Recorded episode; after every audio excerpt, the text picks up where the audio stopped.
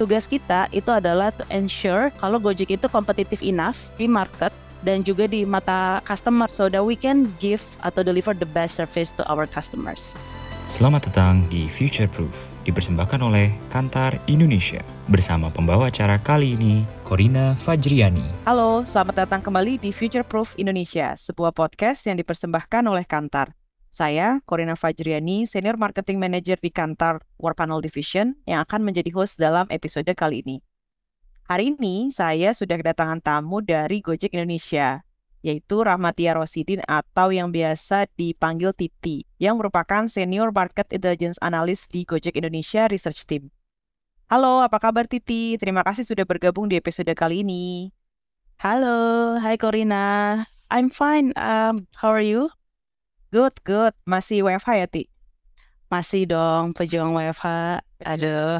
ya, semangat. Uh, Oke, okay, kalau gitu hari ini kita akan ngobrol-ngobrol sedikit nih Ti, terkait tema kita hari ini itu adalah how does Gojek listen to its user. Nah mungkin kalau di Gojek tuh sebutannya biasanya apa ya Ti? Users, customers, atau consumers, atau apa Ti enaknya Ti? Oke, okay, kalau di Gojek sendiri kita tuh ekosistemnya ada tiga. Jadi uh, kita bilangnya user sih, tapi to be more specific itu ada tiga. Jadi customers, drivers, sama merchants. Uh, tapi mungkin untuk hari ini aku share lebih dari sisi customernya kali ya. Ya, jadi kayak mungkin hari ini kita akan lebih banyak bicara tentang gimana sih caranya Gojek itu bisa mendengarkan aspirasi dari user-usernya atau biasa disebut di Gojek itu customer ya. Yes, betul sekali. Tapi sebelum kita ngobrol lebih jauh lagi nih Ti, mungkin pendengar di sini pasti udah familiar banget sama Gojek Indonesia nih, tapi pasti banyak yang mungkin belum paham gitu. Apa sih Gojek Research Team itu seperti apa? Terus mungkin role-nya Titi di Gojek Research Team itu juga seperti apa? Bisa dijelasin sedikit, Ti? Jadi kalau di Gojek itu kita punya departemen yang namanya Research and Insights atau biasa disingkat RNI, di mana under Research and Insights itu ada sub divisi-divisinya lagi gitu ya. Di mana setiap divisi itu handling a specific products. Jadi kita ada tim research untuk transport, ada untuk food delivery, terus juga nanti ada untuk logistik, Kemudian juga ada merchants dan drivers as per aku mention tadi ya kalau di ekosistem user kita tuh ada merchant sama driver juga.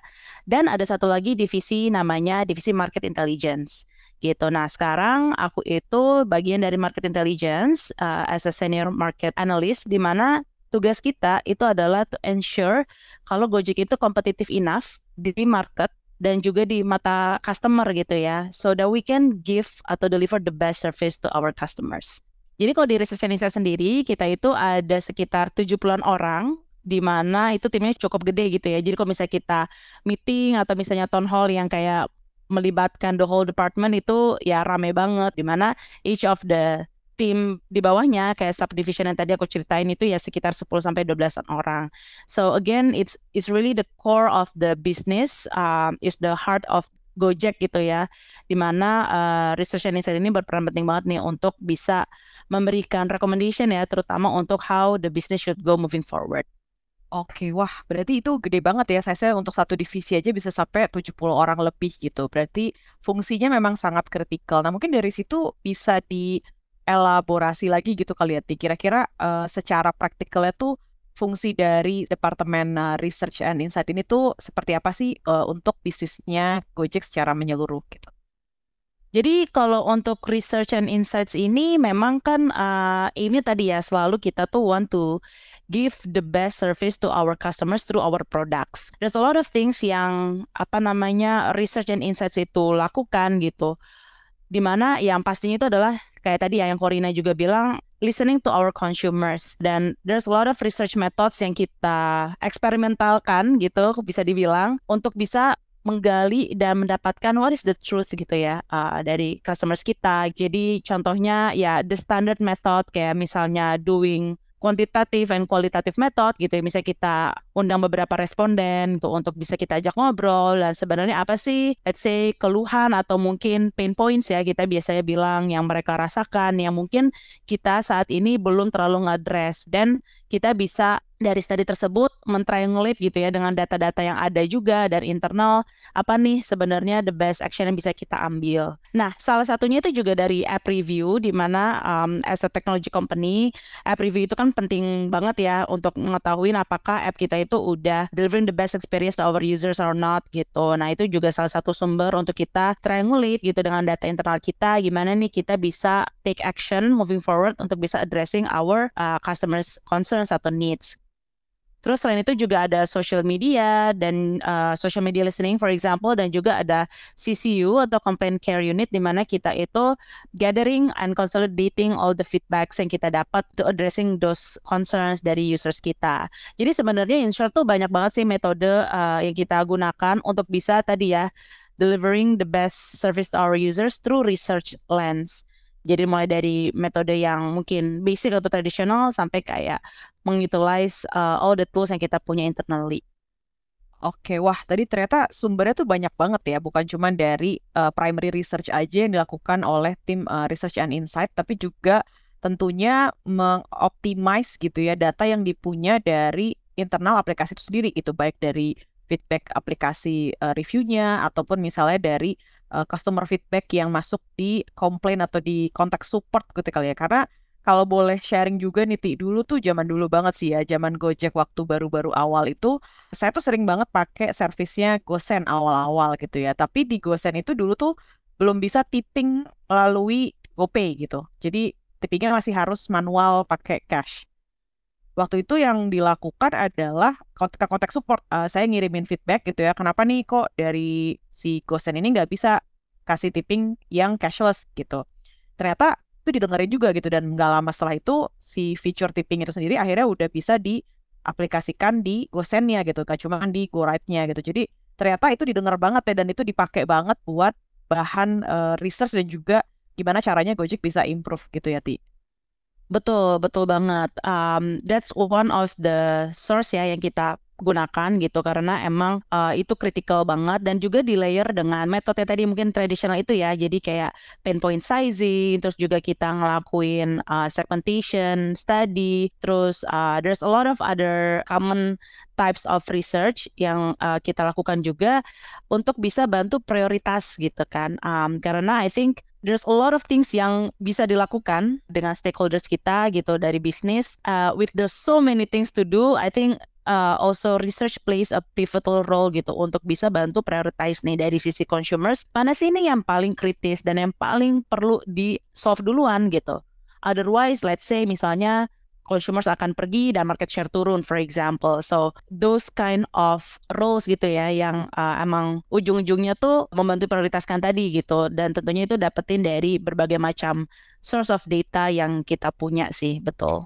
Oke, iya berarti emang perannya si divisi research and insight ini tuh emang kritikal banget. Nah, kalau dari yang tadi Tito jelasin tuh kan banyak banget source of uh, data gitu yang bisa dijadikan bahan riset untuk kemudian uh, memberikan findings atau mungkin rekomendasi kepada stakeholder-stakeholder uh, terkait gitu. Nah, kalau dari situ kira-kira uh, bisa sharing sedikit nggak, Ti? Mungkin ada sukses story yang hasil dari uh, riset itu sendiri betul-betul bisa langsung bawa impact kepada bisnisnya Gojek gitu, baik dari segi tactical ataupun mungkin impact yang lebih strategis. Iya, bisa banget. Jadi ada salah satu produk kita yang pengen kita gedein gitu ya dan pengen kita grow lebih kencang lagi um, and one of the study yang kita lakukan ya terutama di scope-nya um, aku sekarang itu adalah doing a benchmarking study gitu in which I found it very interesting karena we do benchmark with the other countries yang mungkin udah lebih develop atau lebih mature gitu untuk uh, similar business model gitu. Jadi kita pengen belajar nih dari uh, similar players gitu ya yang ada di luar negeri itu misalnya contohnya di China atau di US yang um, emang udah apa maju banget ya gitu kan in terms of internet penetration dan uh, teknologi adaptationnya juga gitu. Apa sih feature-feature yang mereka itu tuh punya yang mungkin kita itu masih underdeveloped dan feature-feature yang sekiranya itu bisa uh, membantu kita untuk even more uh, giving the best again delivering the best service to our consumers dan juga how to win their heart gitu. Nah, with this benchmarking study kita ngelihat dari berbagai macam angle gitu kan, dari bisnis modelnya, terus juga dari uh, again feature-nya yang mereka punya dari sisi pricing, dari sisi marketingnya dan segala macam so that we come out with like this consolidated insights di mana si report yang akhirnya kita produce itu kita share ke stakeholders ya at the end of the day dan itu sangat able to generate different kind of ideas gitu on what should we do moving forward. Nah itu tuh um, salah satu key study ya. Kenapa? Karena the action itu langsung kelihatan gitu, langsung in the pipeline langsung dibuat, and hence itu uh, sesuatu yang uh, sirkulasinya tuh cepat dan kita bisa expect itu bisa kelihatan soon. That's one of the successful case study among many many case studies lainnya yang sangat impactful ya kalau menurut aku gitu. Karena emang kalau di Gojek itu the stakeholders itu also very close with the research team di mana research itu sangat didengar sih pendapat dan point of view-nya. Um, in which good because we are apa channeling kan uh, the our consumers voice gitu or consumers pain points and needs. So yeah, that's that's one of the good example that I can share. Wah, seru banget. Ternyata competitiveness level itu juga membantu justru ya untuk Gojek bukan cuma menjadi organisasi yang mendengarkan user, tapi juga menjadi organisasi yang jauh lebih kompetitif dan mungkin bisa keep up dengan organisasi ataupun aplikasi sejenis yang sudah ada di eh, market lain atau di negara lain. Kalau misalnya mungkin bisa di-share gitu ke teman-teman pendengar yang ada di sini, karena kan mungkin banyak juga yang kurang familiar gitu dengan proses uh, research itu seperti apa sih dari mulai misalnya ngambil data gitu ya, dari mulai data yang tadi dibilang udah banyak banget itu sumbernya, terus kemudian diolah sampai akhirnya bisa menjadi sebuah pengembangan produk ataupun pengembangan feature di Gojeknya itu sendiri. Oke, okay.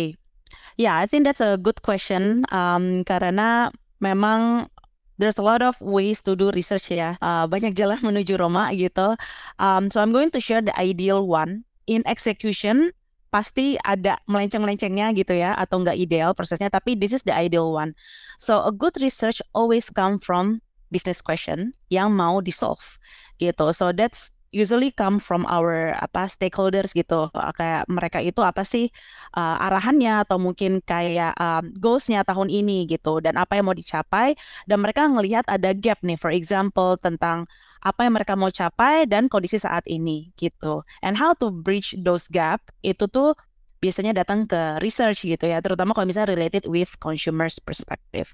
Nah, ideally kita akan gather dulu nih the business questions yang mereka punya gitu ya, atau bisa juga dari discussion yang kita punya bisa kita punya kayak regular discussion dengan our stakeholders gitu dan kita bisa identify ini oh kira-kira ini business question loh uh, yang bisa kita bantu jawab gitu and it helps to solve the problem dan eventually achieve your goal Nah, once kita udah bisa mendefine apa sih problem statement dan business questionnya tadi, kita tuangkanlah ke dalam bentuk research brief gitu ya, atau research plan. Nah, di mana di research plan ini tentunya kita kan harus lebih terstruktur lagi gitu uh, untuk menjabarkan apa sih backgroundnya, kemudian apa sih objektifnya, list of questions turunan dari business question tadi yang mungkin perlu dijawab, dan ultimately yang paling penting itu adalah the framework gitu. How do we want to answer it?